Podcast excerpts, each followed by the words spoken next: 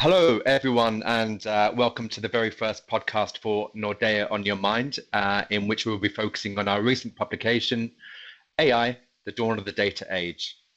If you haven't read that publication yet, you can, of course, download it on nordeamarkets.com. My name is Martin O'Rourke, and I'm the Chief Editor at Nordea Markets. Today, we are lucky enough to have Nordea on Your Mind authors Johan Trocmé and Hemming Svensson with us to take us through some of the key findings and talking points that arise out of the report. Johan is Director, Thematics Nordea Research, and Hemming is Associate in Thematics Research. Johan, welcome. Hemming, welcome. Uh, it's good to have you both here. Thanks, Martin. It's a pleasure to be here. Thank you so much. Okay, so uh, let's start with the title first. Um, the report has been entitled AI the dawn of the data age. And yet we also know that artificial intelligence, at least as a label of term, was first coined in 1956. And yet, despite its longevity and the revolutionary implications inherent in those two words, it's probably fair to say that taking those 63 years as a whole, the impact on our lives has been relatively minimal. So, why the hype now? Why the change in narrative? Indeed, why is this the dawn? Johan, if I could ask you to start there, please. Absolutely. It's a very f- relevant question to ask. And I think most of us as private individuals can recognize seeing and having seen a lot of media attention given to the topic of artificial intelligence. We can read about it in the papers, see it on television, on the internet, wherever. And, and, and it, it's perfectly justifiable, I think, to, to wonder okay, so why has this apparently become so big? And and there there is a very clear explanation for why this is the case, um, and, and, it has very much to do with uh, the internet and with communications. Um, as an academic field, as you said, it's been around since the 50s.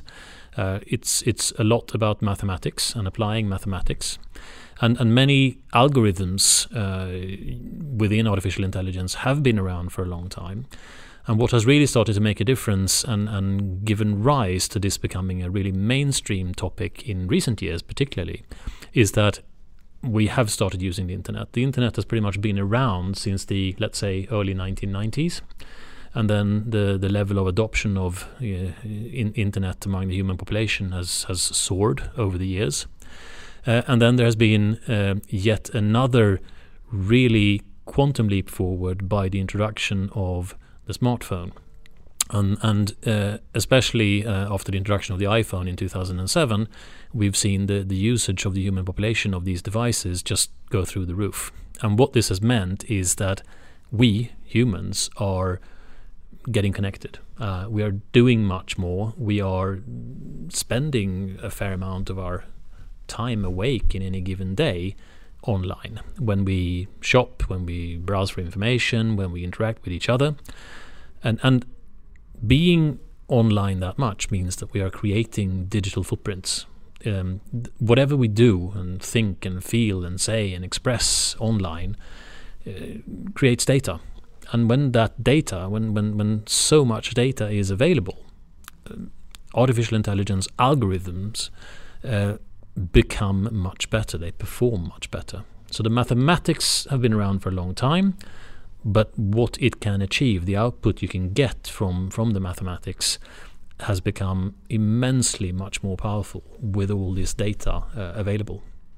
And in addition to the human behavior, us being connected, us being online, we've also got technological development on the hardware side, meaning that the the computer processing power has continued to increase. There's this old concept of Moore's law. The typical measure is the number of transistors per microchip uh, as, as a proxy for computing power. That's continued to increase for decades. So, so the ability of, of computers to, to process the data has increased enormously. And the cost for storing data has also come down dramatically. If we go back again to the 50s and take a, a sort of piece of furniture, a cupboard-like thing, the world's first hard drive, and looking at how much data it was actually able to store. Well, that was an old IBM Model 350. It could store five megabytes, and it cost three hundred thirty thousand dollars in today's currency.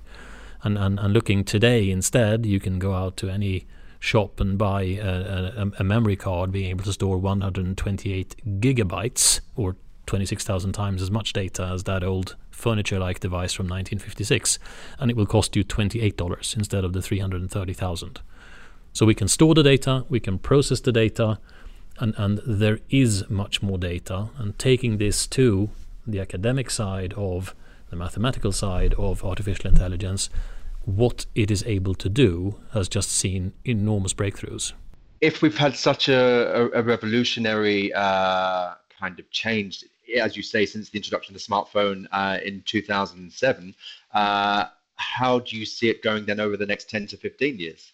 Everything points towards the the the share of the human population with internet access uh, continuing to rise uh, sharply, and and looking at that development, uh, I've seen estimates suggesting that by 2030, almost 90% of the human population will, will have access to, to the internet. And, and that's compared to just over half in 2017. And that would suggest that the trend we are seeing is, is going to continue. There will be even more data, there will be even more human interaction online. And, and that, looking at what we have seen so far, would suggest that performance by AI will continue to, to improve another assumption you're making is obviously based on current technology, uh, not even allowing for maybe another technological breakthrough that could even further uh, ex- escalate or, or propel this uh, this trend forward. Yeah, that's extrapolating trends rather than making an assumption that there is some sort of sudden major quantum leap breakthrough either on the hardware side or, or on the algorithm or, or software side. That could, of course, be a game changer too if we turn now to, to, to the logistics of, of AI, you know, how, how, it, how does AI actually work and what does it do? Hemming, uh, if I can hand this over to you, because I think uh, you've done it, you've you've done a lot of research on this area. So Hemming, please go ahead. So asking the question how AI actually works is uh, uh, is really useful for businesses, of course. Um, the thing with AI is that it's a really broad term, and so answering the question becomes very difficult. Um, and AI seems to grow not only in popularity but in what it encompasses uh, as it grows in popularity. Um, usually, AI is seen as kind of an overarching concept, whereas uh, machine learning uh, is usually seen as a subset of AI. And it's much more easy to dig into machine learning since it is more well defined and and without giving the most stringent definition, the essence of machine learning is uh, to have a computer or an algorithm being able to perform a task without being explicitly programmed as to how to perform that task. So, with machine learning algorithms, we surely still have to program. Of course, there are systems that you can buy off the shelf, but we still need to, in essence, program. However, instead of giving the explicit rules in how to perform a task, we program a framework, so to speak, for that algorithm to figure out its own rules, if you will. So that's the essence of machine learning. Uh, and of course, there are um, there are different types of machine learning. Uh, the biggest one is called supervised learning, and there's also unsupervised learning, and uh, there's been quite the leap in something called reinforcement learning uh, in, in, in recent years. So I guess I could just touch upon what those three different types actually uh, mean um, and how they handle data in different ways. So when it comes to unsupervised learning, uh, this is really uh, a way to hand data to an algorithm and say, uh, try to figure something out with this data. Uh, with unsupervised learning algorithms, they, they definitely have a specific thing that they try to perform with the data. For example, we have clustering algorithms, which is probably the biggest field in unsupervised learning. Uh, think of it like Google News. So Google News scans uh, a vast amount of news sites, and of course, then a much bigger set of news stories or, or coverage.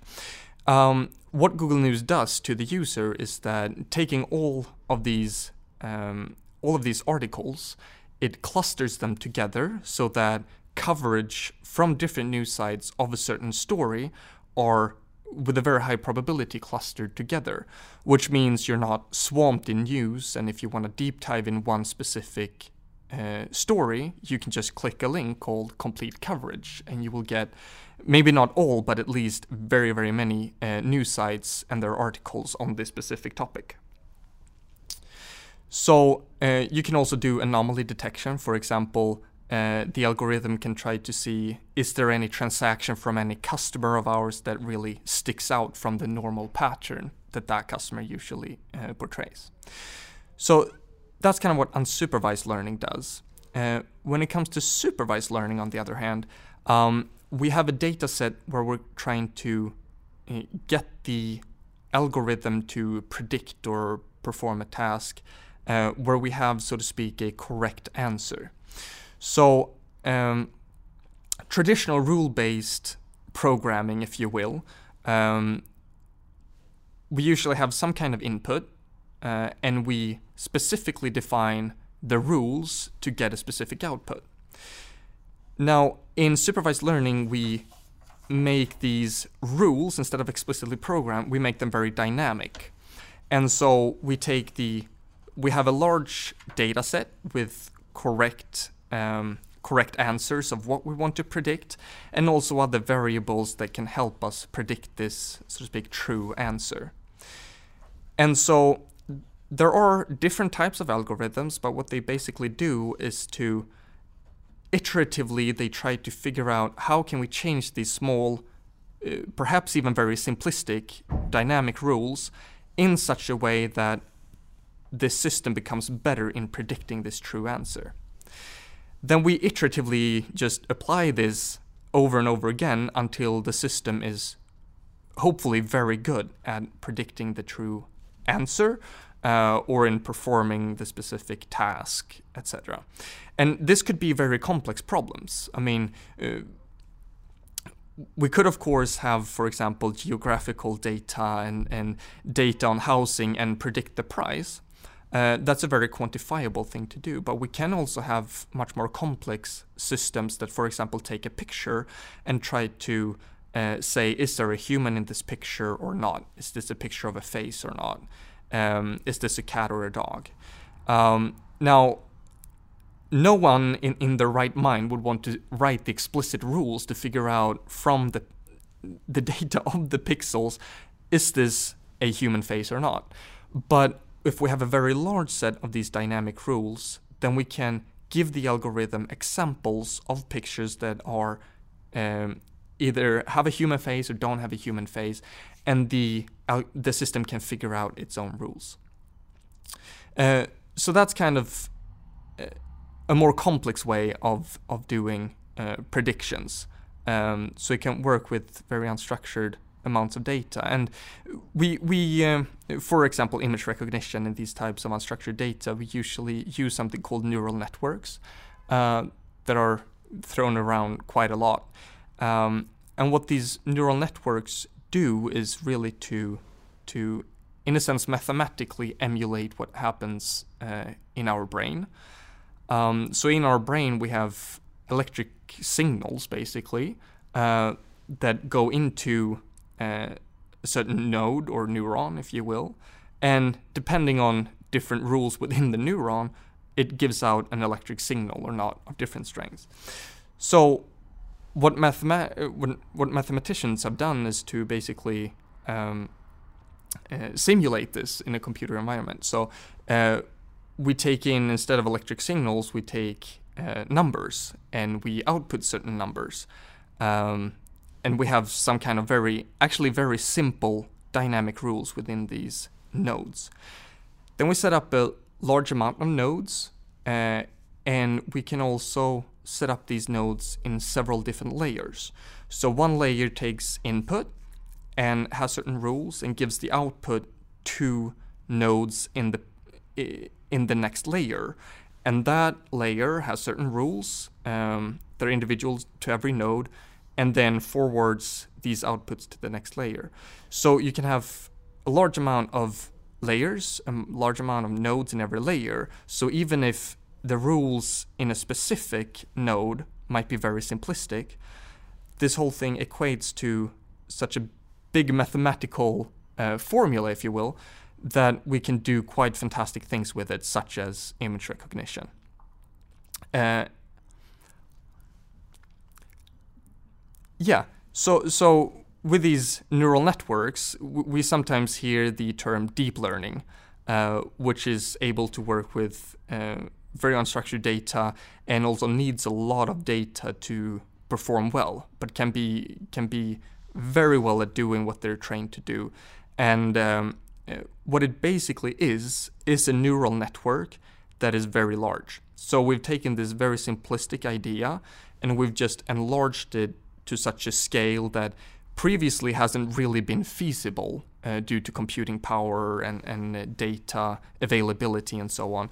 But now all of a sudden is possible, and we and it can do quite amazing things such as image recognition and so on. Hemming, you mentioned something very early on in there that, that caught my attention. Um, we're talking, you were talking about these algorithms working within a framework.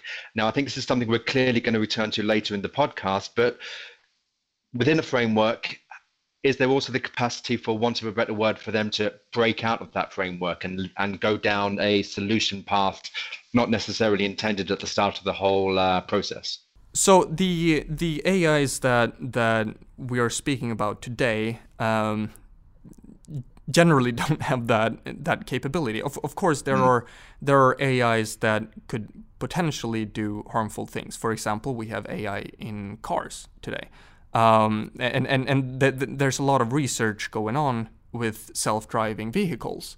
So, um, of course, potentially, uh, a car could do something detrimental. A self-driving algorithm of a car could do something detrimental.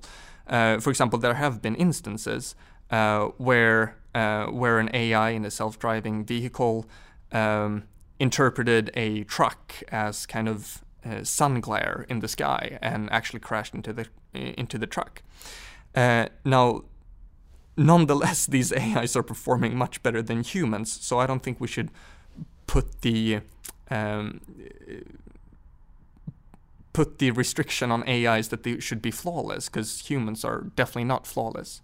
Uh, nonetheless, most AIs that we're talking about uh, are basically taking an input uh, and they're given an output and there's usually another encompassing system that then does something with this output that is very rule based.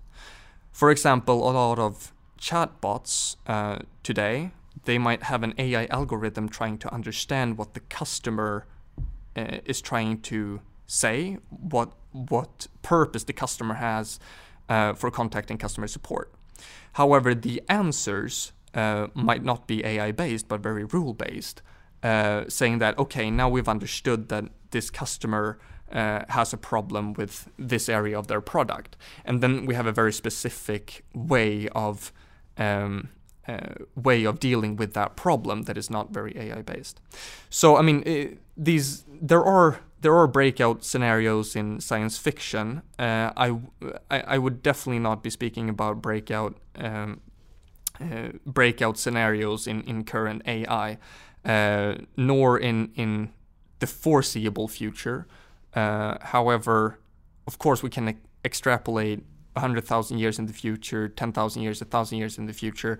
How well will AIs be? And and there's a potential for them to be really good at doing what they're doing, of course. But but uh, that is not a worry that we have currently, in my view. I, I, think we will we will return to this definitely, but I, I want to move on to where where AI is is working uh, or where we're seeing AI in our lives today. And uh, Johan, if I can give that over to you, please. Sure, I'm still um, I'm still struggling here with uh, the insight that humans uh, are not performing flawlessly. So uh, I think we will all have to just take it in, right? Let it sink in. Uh, having touched upon uh, an example or two of where we see AI being used, uh, but I think it's worthwhile to just flag some examples because I suspect that for many of us. Uh, we are actually encountering AI in our daily lives as individuals without really being perhaps fully aware that this is the case. And, and and the first example I think is a good one that, that Hemming brought up when it comes to uh, customer service chatbots. And one very concrete example is here at Nordea we we have we have just that a customer service chatbot. Uh, she, she's called uh, Nova. Uh, she, she's a virtual uh, being, of course, rather than a flesh and is blood being. Is, is she a supernova, Johan? Uh, I, I would certainly argue that she is. Uh, I'm, I'm, sure she would agree, uh, but um, maybe we should refer to customers who have um, uh, sought her help and, and see see if they agree too. Uh, from what I understand, she she she could claim to be a, a supernova, um, and and the way she works is that she is the uh, the, the, first uh, uh, counterparty that a customer would actually encounter when when seeking help or advice from Nordea. Um, and, and and when contacting customer service, she will introduce herself in a chat as as a, a virtual customer advisor and she's she's based on her AI is based on natural language processing. So she will interpret whatever the customer is writing in, in, in the chat dialogue and, and respond to that. And the way she operates is that she tries to identify what the customer needs help with, and then if it turns out to be a problem that cannot be solved by an automated response by Nova herself, she will forward the query to uh, a human advisor who will who will then take over. Um, and, and and that's you you see many of them out there. Um, that that's that's a very uh, common uh, feature today uh, that many of us uh, experience one way or the other, and and I think we are definitely going to see more of that in the years ahead. But to add a, a few more examples uh, and to keep it very concrete. Uh, let's let's think about taxi and and and if you want to use um, a ride-hailing service like Uber, that's another example where where if you open up your Uber app on your smartphone, say, uh, it will find your location. Uh, it will ask you where you want to go. It will check where you are, if it's going to be based on the phone giving your position or if you want to ent- enter it manually. And if you then say that you're interested in, say, going to the airport from whatever you happen to be located at the moment, Uber will then show you a plot on a map of where you are, where you are going to, what the route there is, uh, and then will give you an estimated fare. Uh, and that's all of course, very AI heavy in that it, it calculates and, and it shows to you uh, what it is that you're requesting and what you're likely going to need to pay for it. And then it will give you an estimated time of arrival for a car. It will identify a car nearby and it will even plot on the map for you the car's progress towards the point where, where you're located. So that's another example I think many of us would recognize. Let's take music streaming. Um, if, if you are a Spotify user and, and you would have a playlist, it will come up with customized recommendations based on your listening to uh, uh, so many hours of Finnish tango in the past week. Uh, then this is what Spotify would suggest that you try and listen to, since that seems to be what you're into. Uh, and, and and on the same theme, uh, if if you think about streaming uh, TV series and movies, if you open up a Netflix account, for instance, you will also see recommendations based on your prior viewing. We suggest you would enjoy the following, and then you get these uh, popping up um, where, where where it would encourage you to um, to check it out. Uh, they're also all based on on AI, looking at the data available, drawing conclusions based on that and, and offering suggestions or functionality in the case of the Uber ride. Uh, yes, I mean, sadly, Uber uh, no longer operates in Copenhagen, so. Uh, but we uh, we all know how Uber works and how fantastic a service it, it it's it's it's been, as, at least from a customer perspective. Um, we're touching very much on the positives here, and that's and that's obvious. I mean, that that makes sense that we're we're, talking about all the positive aspects of AI and so on. But you know, there are there are there are, of course, uh, the negatives associated uh, with AI, which which Hemming kind of touched upon earlier. Um, for example, I did a quick uh, book search this morning on Google um, on AI. I get headlines like AI apocalypse, uh, demon, robopocalypse, um, films, I, Robot, and of course the big daddy of uh, of the AI kind of uh, genre, Blade Runner and the Terminator films. And uh, to say they outline a bleak future would be understating it. So, you know, should we be afraid, um, if not at, at, on that kind of catastrophic level, at least on a more mundane level where it comes to our jobs and so on? You know, will will AI take over the planet? Um, Hemming, I'm going to throw that one your way. Sure, uh, and we touched a little bit upon it, uh, mm. and I think um, uh, I certainly think it's a more uh, useful consideration to ask if AI will take our jobs than than uh, if if uh, uh, if AI will take over the planet, uh, at least in the in the foreseeable future. Uh, there's of course a lot of science fiction uh, around it, which might be uh, enjoyable on a, a Friday evening. Um, but when it comes to um, when it comes to uh, AI and considering AI in businesses, I think some of these more apocalyptic scenarios, sometimes portrayed in, in media even, um, might might make some companies uh, think that AI is a magic box and even miss some really good business opportunities uh, th- that they could profit from through AI. Now, will AI take our jobs? Um, artificial intelligence today um, I guess we can measure it in in in uh, two ways. Of course, there are a lot of ways to, to measure AI, but one is performance on a certain task, and and uh, um, also the level of uh, uh generalism, how how general the AI is. Now, current AIs, some of them have a really good performance. There are AIs that um, help doctors uh, into giving the right diagnosis, and they perform they perform in line with the best experts in the field. Um, th- there are uh, there are AIs which are um, self-driving car uh, systems which perform really well uh, and um, to some extent are, are some of these algorithms are performing much better than than the average human being.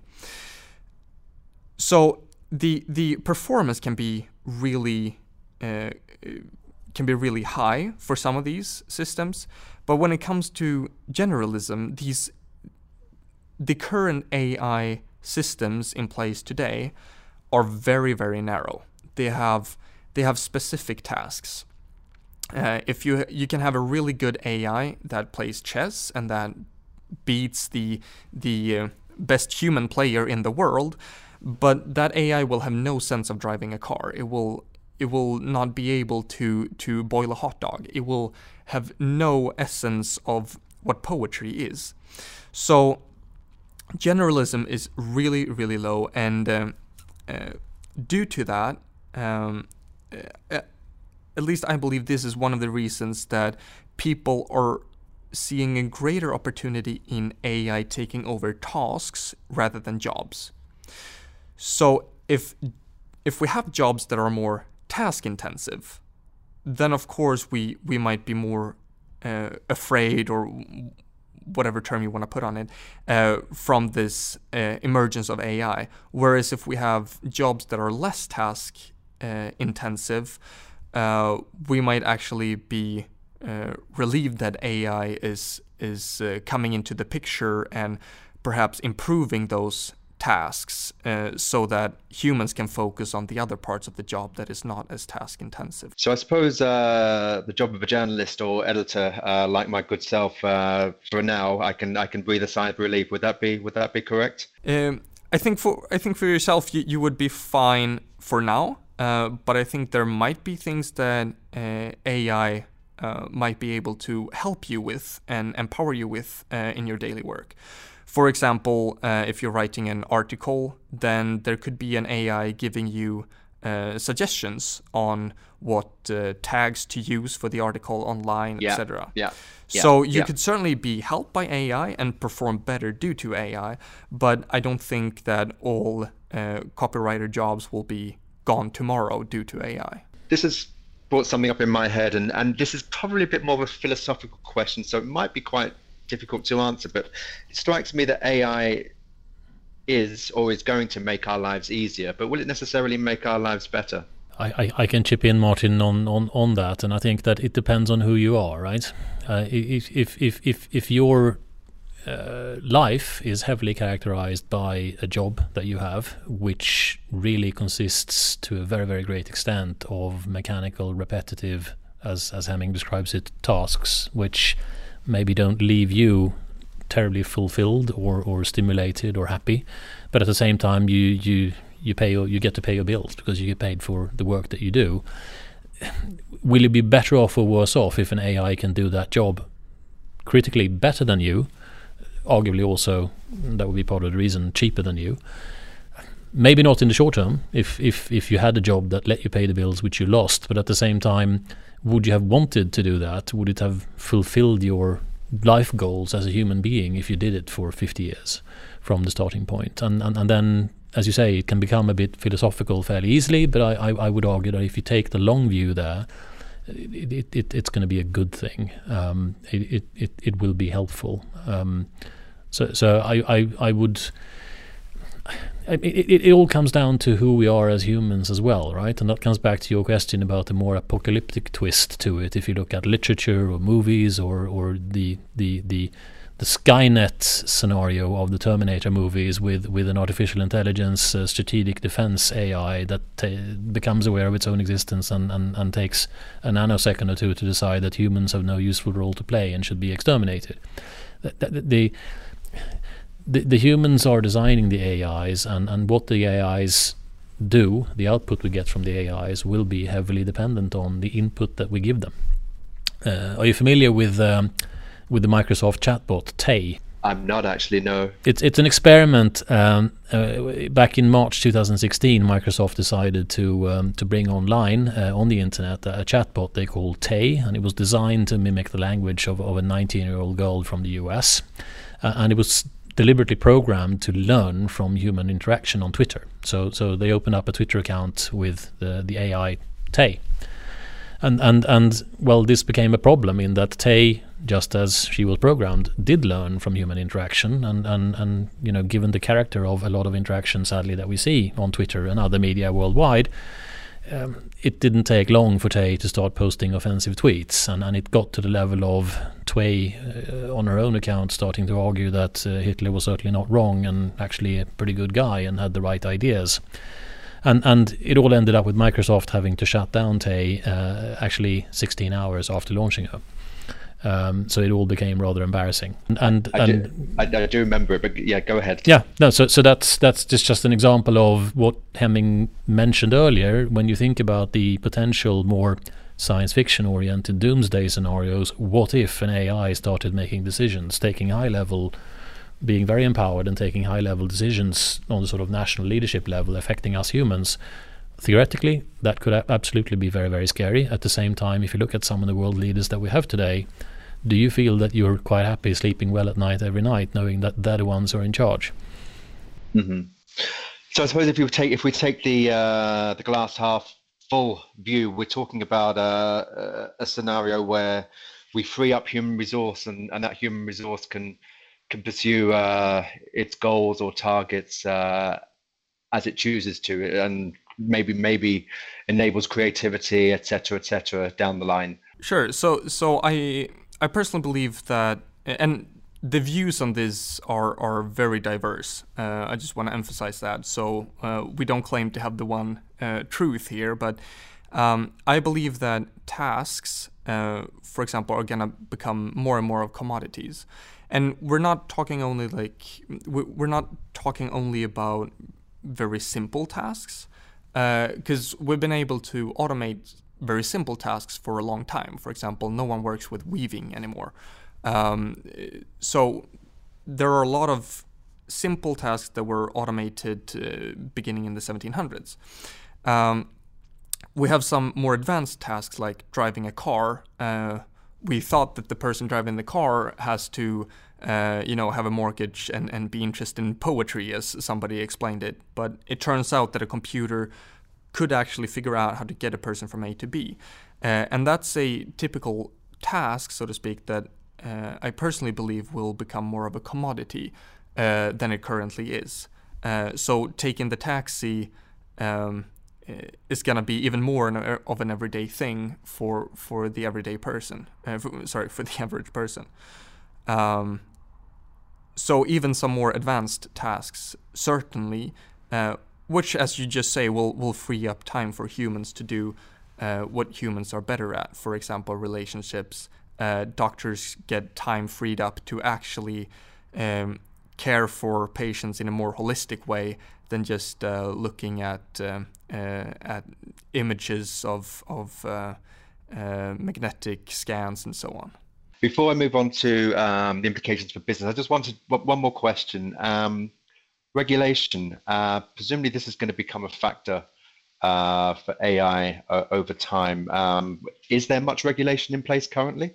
No, uh, not not not as regards AI specifically. But I, I think you're right, Martin, in that it would be natural to expect that as this emerges even more deeply into the mainstream and, and as people increasingly become aware of AI being a part of their lives, in that tasks becoming eliminated in people's jobs uh, and, and, and, functions being offered to us as consumers that we can take advantage of, like we already do with the examples that we gave you earlier the, the awareness will increase and, and, and there will be concerns, there will be fears, and there will be potentially, I think, not least politically, opportunities to try and capitalize on those. I don't know if you remember, but in the in the French presidential election of uh, 2016, uh, the the Socialist Party candidate uh, who who did not uh, uh, go on to the second round uh, of of the presidential election actually um, campaigned with a platform where one of the concrete proposals was to include a robot tax. so, the, so the proposal was that for any business in France that would invest in a robot, they would have to pay part of the gains, the financial gains made from introducing, deploying that robot in tax uh, to share with society to uh, the argument went uh, compensate those affected in a negative way by by by the robot um, doing some of the work, and and that I think is an example of the kind of regulatory efforts we might see looking ahead uh, once this becomes even more obvious in the eyes of the of the typical citizen. We'll move on now. Um, we want we want to talk about the implications for business. Um, you know, if you're a business leader, why do you need to care about AI, um, and what you sh- should you be doing? And uh, Johan, I think uh, I'm going to give that to you again. Yeah, sure. Uh, this is, of course, where we're coming from. In in in that uh, our our Your Mind report is designed very much with uh, corporate executives in mind, and and and to make that link to business challenges and business problems. How does AI matter there? We think it does to a huge extent, in that it is uh, a technology which has seen quite recently a very very major breakthrough and is starting to affect uh, all of us on on the, on the macro level and and and therefore undeniably will will affect businesses companies on on the micro level too. And and um, we what I what I would do is to just mention a, a, handful of recommendations, specific recommendations. If you're a business leader today, what do you need to do with regard to AI? And these are based on a, a handbook that's that's a freely and widely available handbook uh, written by um, uh, the AI platform uh, supplier Peltarion, Swedish-based, privately owned. Um, and, and, and those recommendations will be four of them. the first one being if you're a business leader, if you're wondering about AI, if you need to take a view on AI, make sure you get a basic understanding of what it is. What can AI do today?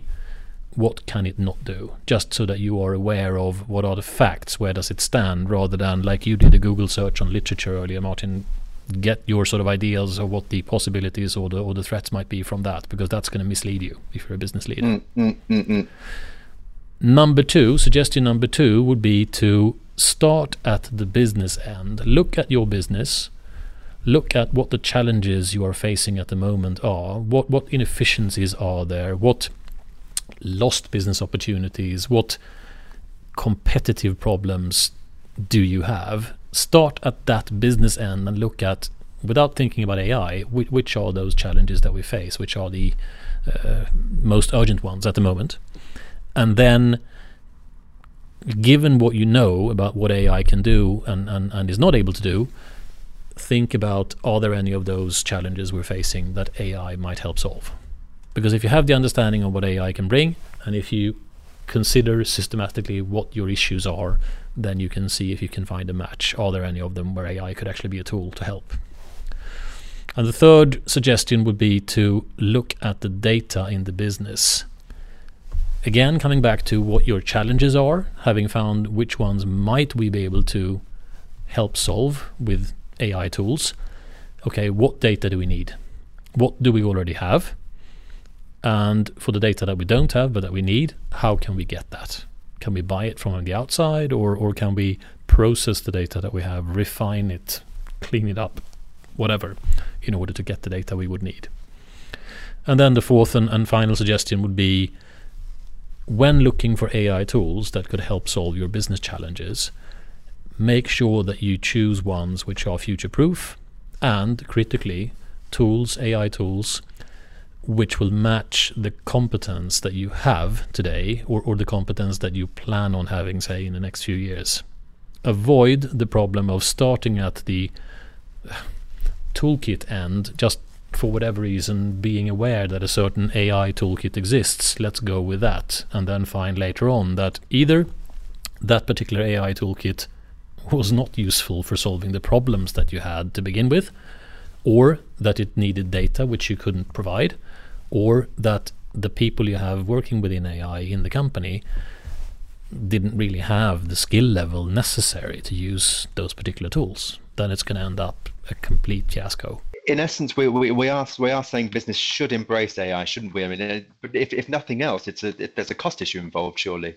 Um, and when I say cost, I don't mean the, the, implications of setting it all up. Actually, over time, your costs will be driven down by uh, a well implemented AI uh, platform or program. That's one way of putting it, Martin, and I think that it's it's actually important to widen it a bit from that because that's that's maybe the most natural thing to think of. That okay, competitors are looking at it. Maybe if competitors are introducing AI tools in their business, they become more cost competitive, and we will need to match that over time, or otherwise we're not going to be competitive and we might be driven out of business for sure.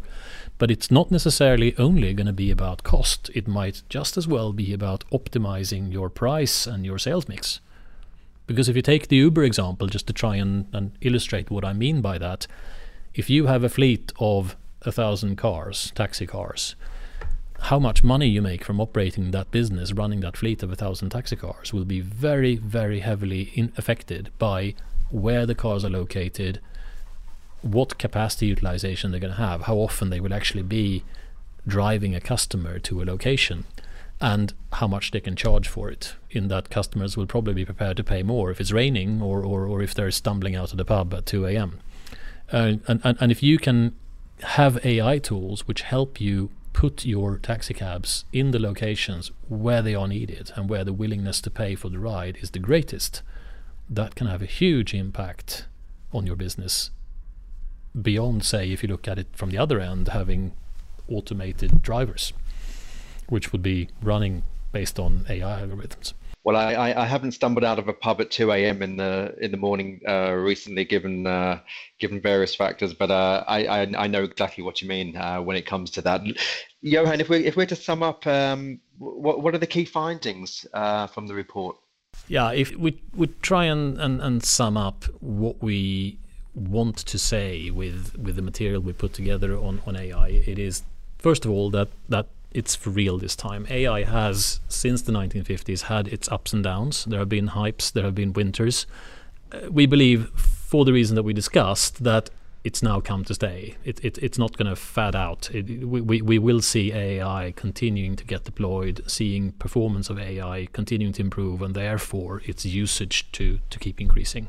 Uh, we really want to underscore, and this comes back to some of the things that, that you and Henning brought up regarding the, the sci-fi scenarios, etc., that one should be careful about all those headlines we see, all those movies we watch, all those books we read, because it is fiction, uh, and, and and some of the issues are are real and, and and theoretically can be very very serious issues. But looking at where AI is today and where it's going to be in, in the next few years, this is just another technology. It, it, it's going to be a powerful technology and it's going to be one that can supercharge businesses that businesses will need to care about. But, but it, it, it's not going to be that societal game changer that really turns everything upside down. Um, and, and the final point will be coming back to what you just brought up in terms of okay, so if you if you're a business leader, do you need to care? And then our very very uh, heartfelt answer to that would be yes, you do. At least get on top of what it's about, and then consider if if there are uses for you. Okay. Well, look, I, I think that's been uh, incredibly informative and uh, a fantastic uh, way to spend an hour discussing all the implications of AI. Um, I have mentioned uh, at the start that uh, you can download the full report on nordeamarkets.com, but uh, it's worth repeating. And uh, finally, I'd just like to say uh, a big, big thank you to both Johan and Hemming for taking the time today and taking us through this. Uh, thank you very much, guys. It's been fantastic. It has indeed. Thanks, Martin. Thank you.